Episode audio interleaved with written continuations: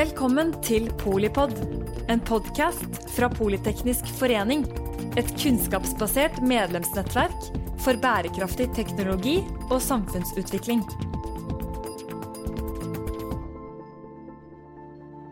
Ja, hei og velkommen til ny uh, Polipod med Terje Strøm. Uh, jeg er så heldig å ha med meg uh, samfunnsøkonom i SSB, Olav Slettebø. Velkommen. Tusen takk for det. Veldig hyggelig å ha deg her igjen. Uh, vi har jo akkurat hatt et revidert budsjett som uh, har uh, ganske større endringer enn normalt. Hva er det som har skjedd her, egentlig? Jo, her har det skjedd en god del ting på en gang. Det er både en god del økning i utgifter og noe lavere inntekter enn man har sett for seg. Så eh, summen av det blir at det man kaller oljepengebruken i budsjettet går opp en god del, altså 56 milliarder. Det er relativt stort beløp, ja. Det er mye mer enn man vanligvis ser fra et, et vedtatt budsjett til et revidert budsjett. Ja. Så, så, det er jo litt, men det har sin ganske naturlig forklaring. Det er, det er jo f.eks. særlig strøm, strømprisene har hatt mye å si. Mm. Så staten får jo store inntekter fra, fra strøm. Og når prisene har blitt litt lavere enn man anslo, så har det blitt ganske mye mindre inn i statskassa. Til gjengjeld så har man brukt mindre på strømstøtte enn man trodde. Ja. Men, men, i sum så er, er det 20 milliarder eh, dårligere enn man så for seg ja. eh, i høst. Så det er jo én ting. Men i tillegg, som har fått ganske mye oppmerksomhet i pressen, så har man valgt å kompensere offentlig forvaltning for at pris- og lønnsutviklingen ble mye kraftigere enn man så for seg i høst. Man hadde Ja, ja, ja. ganske lave, Dette har vært en stor debatt. Ja, det har vært mye. Det var de 2,8 prosentene i den deflatoren i budsjettet som nå liksom er dratt opp langt videre, og som gjør at sykehusene ikke skal måtte kutte og kaste ut sykepleierne sine og sånn. ikke sant? Det er sånn de begrunner det. Det er sånn de begrunner det, ja. Så det, har vært, det er en hovedsak her i dette reviderte budsjettet. Mm. Eh, Det trekker naturligvis eh, utgiftene høyere opp enn man så for seg i høst. Ja, ja, ja. Men Eh. varslet i februar eller noe, ikke sant? Ja, Så Ja. dette har ligget i kortene. Det ble sendt en pressemelding i februar. Eh, Det ble jo ikke sendt ut noen tall da, men det Nei. ble sagt at man skulle gi en kompensasjon, og her ser det ut til at det har gitt eh, ja, en nokså uh, raus kompensasjon. Det kommer jo litt an på hvor godt dette anslaget, det nye anslaget treffer. Nettopp. Men det er betydelig høyere enn det var. Ja, det var helt klart. Så det, da så jeg jo det at høyresiden de eh, dro til og sa at eh, man burde ha visst at eh, inflasjonen ble mye høyere enn 2,8 allerede i starten av oktober. Men det er jo anslag som du vet fra Finansdepartementet og jeg som har fulgt dette, at ble kanskje laget i august. og Så, det, så da blir det litt eh, vanskelig. Og det samme var med de 10 000 flyktningene fra Ukraina som man selvfølgelig vil ta imot, som nå kanskje blir 40 000 eh, flyktninger. Ja, Det er jo et tredje moment, da, altså, og som også er utgiftsdrivende, men som det er politisk enighet om i Norge at det skal vi bruke penger på. Mm. Eh, Det blir eh, ganske mange milliarder. Jeg tror det er seks milliarder kroner mer nå i revidert enn man trodde i saldert budsjett, altså i, i høst. Ja. Så summen av mange av, disse tingene er at, eh, at det blir et, et litt større budsjett enn man, man så for seg. Mm. Er man innenfor handlingsregelen fortsatt? da? Eh, ja, det er man. Altså, handlingsregelen sier at eh, man kan bruke 3% av eh, fondets verdi, som liksom er anslått å være det som er avkastningen Mm. på oljepengeinvesteringene våre. Eh, og det, det blir nøyaktig Det er det man 3,0. Ja, så man går hele veien fra 2,5 til 3,0, er det ikke slik? Og det er vel ikke helt tilfeldig, tenker jeg, i forhold til eh, presseoppslag osv.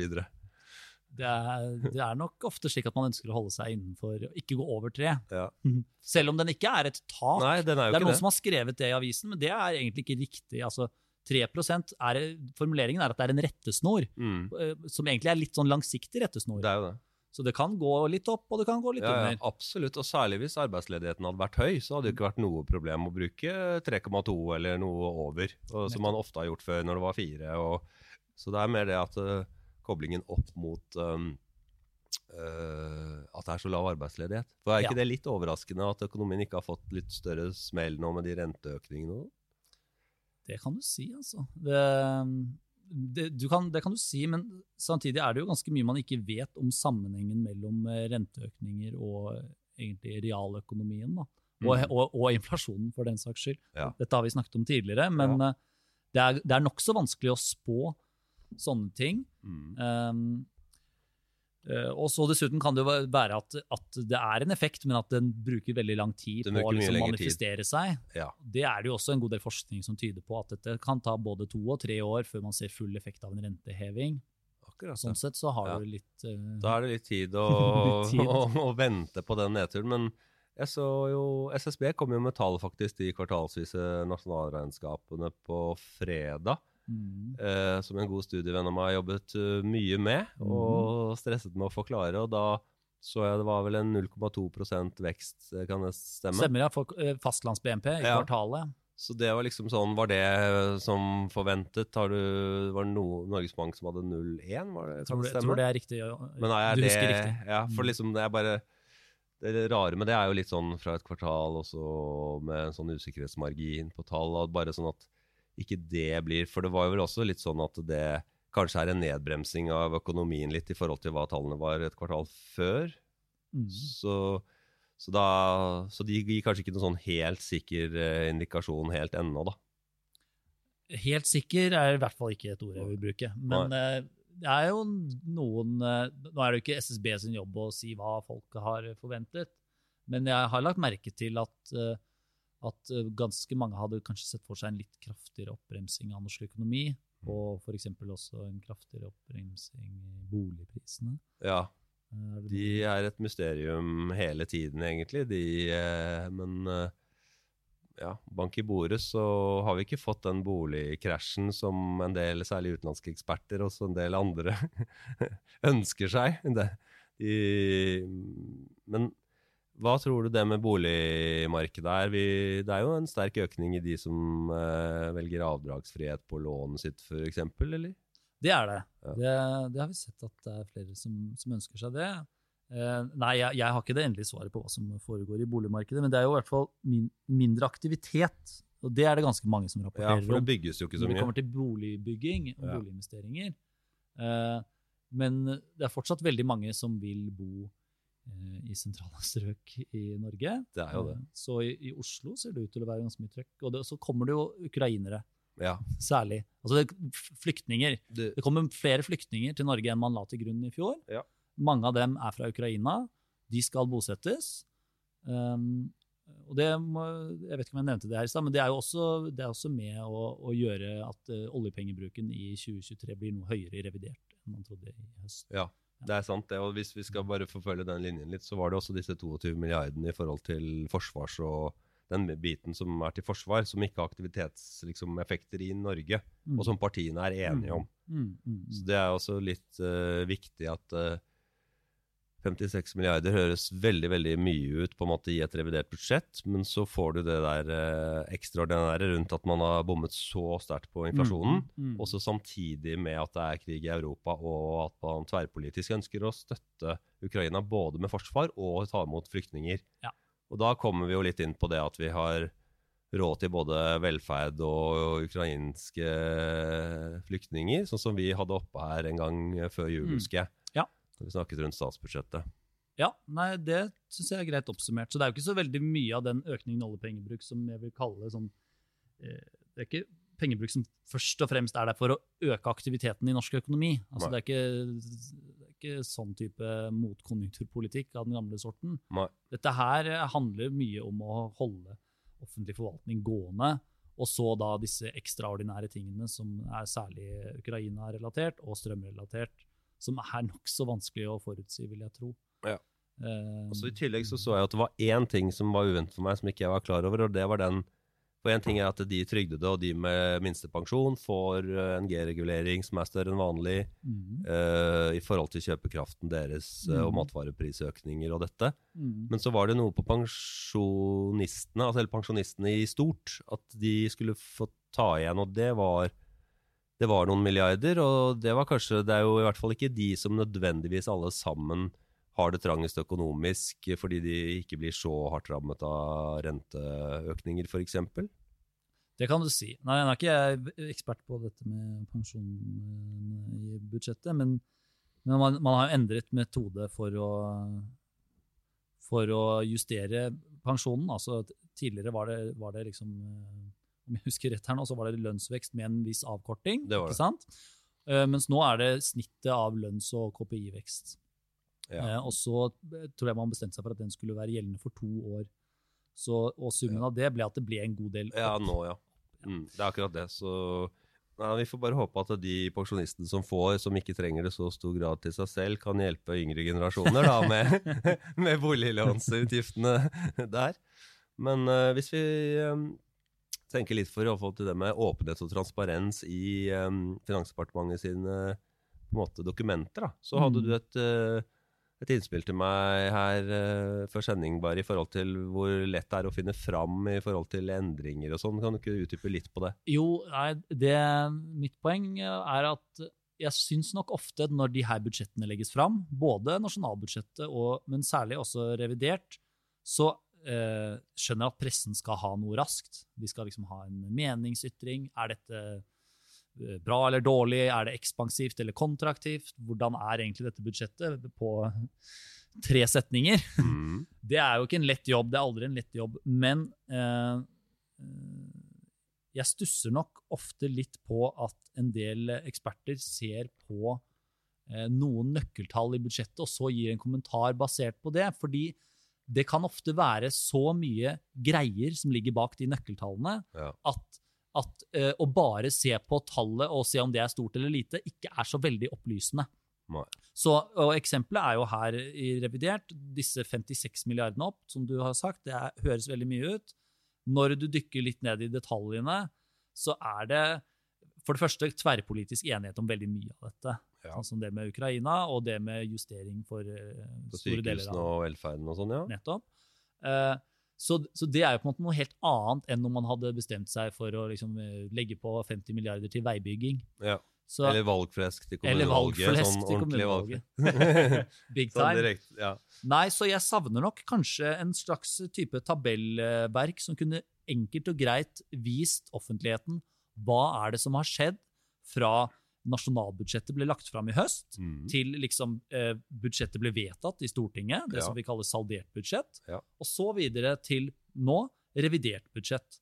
Det burde være mulig å liksom eh, stille opp en tabell ja, med liksom de Jeg tror de hadde hadde mer av det før. Så Det var litt mer av det før, Ja. så jeg lurer på om det kanskje kunne være mm, det er et noe å gjeninnføre. Så Mm. for, For å gjøre det lettere å diskutere disse tingene. Selvfølgelig. Nei, men det, jeg er veldig enig i det. Jeg husker jo fra når jeg jobbet eh, som rådgiver på Stortinget tidligere, at det er klart man har jo veldig mye klart for å slå til tidlig i Mm. media og presse. For uh, ferdigskrevne kommentarer så må man bare dobbeltsjekke at det ikke kommer noe helt uventet i budsjettet.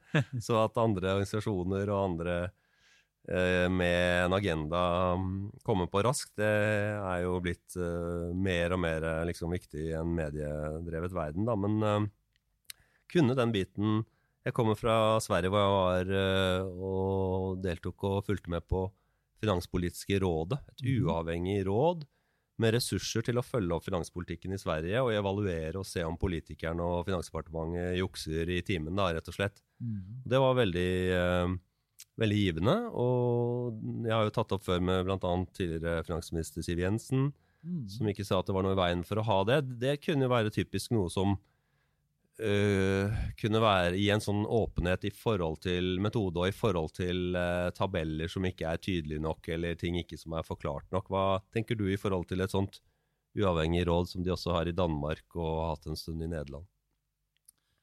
Uh, jo, nei, jeg har litt kjennskap til sånne råd. Um, som generelt her i verden er det ofte positivt at man får sitt arbeid vurdert av en ekstern. Sånn. Ik ikke alltid, men ofte, ofte er det fint. Mm. Uh, så har vi i Norge vi har hatt uh, det som het Finansdepartementets modell- og metodeutvalg. Som er en ganske sånn teknisk uh, sak, da, teknisk, som har sett på, på en god del sånne beregninger som Finansdepartementet gjør, og forsøkt å vurdere kvaliteten i dem, blant annet. Ja. Og så, for litt over et år siden, så ble det oppgradert til eh, ja, Ja, jeg tror de til og med kaller det finanspolitisk De- råd eller noe. De kaller det et eh, Sånn litt ja. mystisk for meg, for det er jo ikke uavhengig på den måten at de Ja, skal altså, eller... Nå er ikke jeg jurist, men det er jo, det er jo, det er jo uavhengige eksperter som sitter der og leder det, og så Ja. har de et sekretariat som er fra Ja, Finansdepartementet. det det- det så om det er det helt mener. uavhengig eller ikke, vet jeg ikke. Men de har i hvert fall, det som er nytt der, er at de nå har en litt uh, større, mer generell vurdering av eh, ja, deler av finanspolitikken. Ja. Så Det kan være viktig. og dette tror jeg kanskje er faktisk et poeng når man skal se fakt hvordan dette reviderte budsjettet her ble. Mm. Fordi hvis du ser på den rapporten fra det der finanspolitiske rådet, eller, som, eller kanskje det heter noe annet, Utvalget, kanskje. ja. utvalget, eh, så pekte de på f.eks. det her at det er ikke noe stort poeng å sultefòre sykehusene for å eh, unngå inflasjon i Norge. Ja. Det pekte kom, de på i sin rapport. og da, det er nettopp et viktig en viktig korreksjon. Da. Så jeg tror nok mitt poeng er nok mer at vi eh, med stor, så stor oljerikdom eh, og eh, metode og beregninger i forhold til konjunktur, eh, ikke sant? eh, utviklingen, hvilke skatter er følger av konjunkturer, og hvilke er liksom eh, justerte, og alle disse tingene som er litt eh, vanskelig og kompliserte. At eh, de som er inne i et sånn type utvalg som ikke har det som sin fulltidsgeskjefteligelse, at de kan være litt sånn gissel i den situasjonen. Det er det som jeg, som jo har vært vaktbikkje på dette i 20 år nå, er litt redd for, da. Så uansett hvor flink Steinar Holden og en del av disse andre, Hilde Bjørnland og kompani, uten at jeg har helt oversikt over alle som sitter der nå, så er de på en måte Det er eh, kan være høye smørbrød i Finansdepartementet og den hyggen ved å være inkludert der, som kan gjøre at de ikke er kritiske nok eller evaluerer helt fritt. Og det mener jeg at kan være en mangel i forhold til demokratisk åpenhet rundt eh, disse budsjettene. Fordi vi har et veldig sterkt finansdepartement også, da. Så det er ikke det at jeg mistror alt og alle, men det er et viktig poeng, syns jeg. og kanskje kommet litt i skyggen av at uh, man har opprettet sånn sakte, men sikkert noe som ligner, Mm. og som kanskje fungerer bedre nå enn for uh, fem-ti år tilbake, men som likevel ikke helt gjør nytten når jeg ser hvor kraftig de kunne gi beskjed i den rapporten i Sverige på, på fredag. Mm. Nei, det, dette må jeg tenke litt mer på. Men uh, generelt så syns jeg i hvert fall at vi kan gjerne ha mer debatt om finanspolitikk i Norge. Og den må bli litt mer Den må bli litt løftes opp et faglig nivå, altså. Mm. For det er en tendens til at folk bare sier oljepengebruken er sånn, eh, og det er, for, det er for ekspansivt, nei, det er for stramt. ikke sant? Ja. Det er litt for overfladisk. altså. Særlig når mange av de som snakker om oljepengebruken, har jo ikke mulighet til å egentlig skjønne hvordan den beregnes, for det er en ganske teknisk beregnet størrelse. altså. Ja. Det strukturelle oljekorrigerte underskuddet. Det er mye som skal tas inn og ut. Ja, ja, ja. Eh, Konjunkturer. Om man er nær hvilken men, eh, men også konjunktur er vi mye sånn regnskapstekniske regnskapstekniske Ja, det er det også. forhold Med overføringer mellom Norges Bank og det, det er helt klart. Låneopptak. Yeah, I know.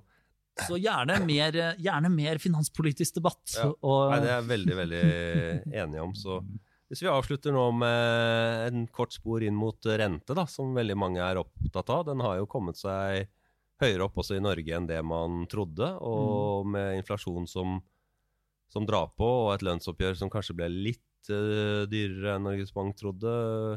Hvordan går det med renta nå neste halvåret, da? Hvis du vil svare, da. Nei, jeg vil vel egentlig ikke svare, men jeg følger veldig nøye med på det. Eh, De som, eh, de som holder på med dette her, sier vel at eh, det var At budsjettet på en måte la litt mer sånn press på renta. Jeg, jeg, jeg vet ikke hvor mye vekt Norges Bank legger på det der, men Norges Bank er jo i en ganske vanskelig situasjon da, når f.eks. at kronekursen har blitt så svak. Ja, ja. Det er litt, litt uvanlig terreng å være i. Det blir jo det. Så man da, jeg syns det var veldig modig eh, av Finansdepartementet og regjeringen å komme med et punktanslag på 5,4 på prisveksten i 2023, da, som på en måte beviser at kjøpekraftsutviklingen ikke blir så god. Så, fordi de, de kunne jo prøvd å gjemme bort og liksom på en måte ikke være så tydelige på det. Så da syns jeg absolutt må gi dem kred for at de var helt uh, rett fram på det. da. Ja, de var åpne om hva de, hva de tror, men Ja. det er jo ganske vanskelig å spå, da. Ja, Det så det er det med valutakursen. Så det er det som er viktig poeng for oss her, ja. At da er jo det svært lite sannsynlig at den kommer til å treffe, så det kan både være lavere og høyere.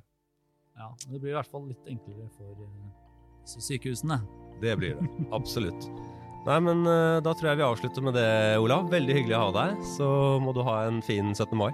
Mange takk. Takk det samme. Takk for at du lyttet til Polipod fra Politeknisk forening. Få med deg flere episoder, eller bli med på nettverksmøtene som du finner på at polyteknisk.